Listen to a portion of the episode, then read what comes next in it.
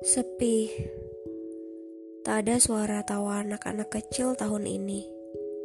Hanya beberapa dari kami mengunjungi nenek untuk bersilaturahmi. Entah sampai kapan keadaan akan seperti ini. Kita hanya bisa menunggu kalau-kalau badai segera berakhir. Jika tidak, mungkin sekarang waktunya kita mulai belajar beradaptasi. Sedih, tapi tetap hari ini Fitri. Selamat Lebaran, semoga kita semua selalu diberi kesehatan.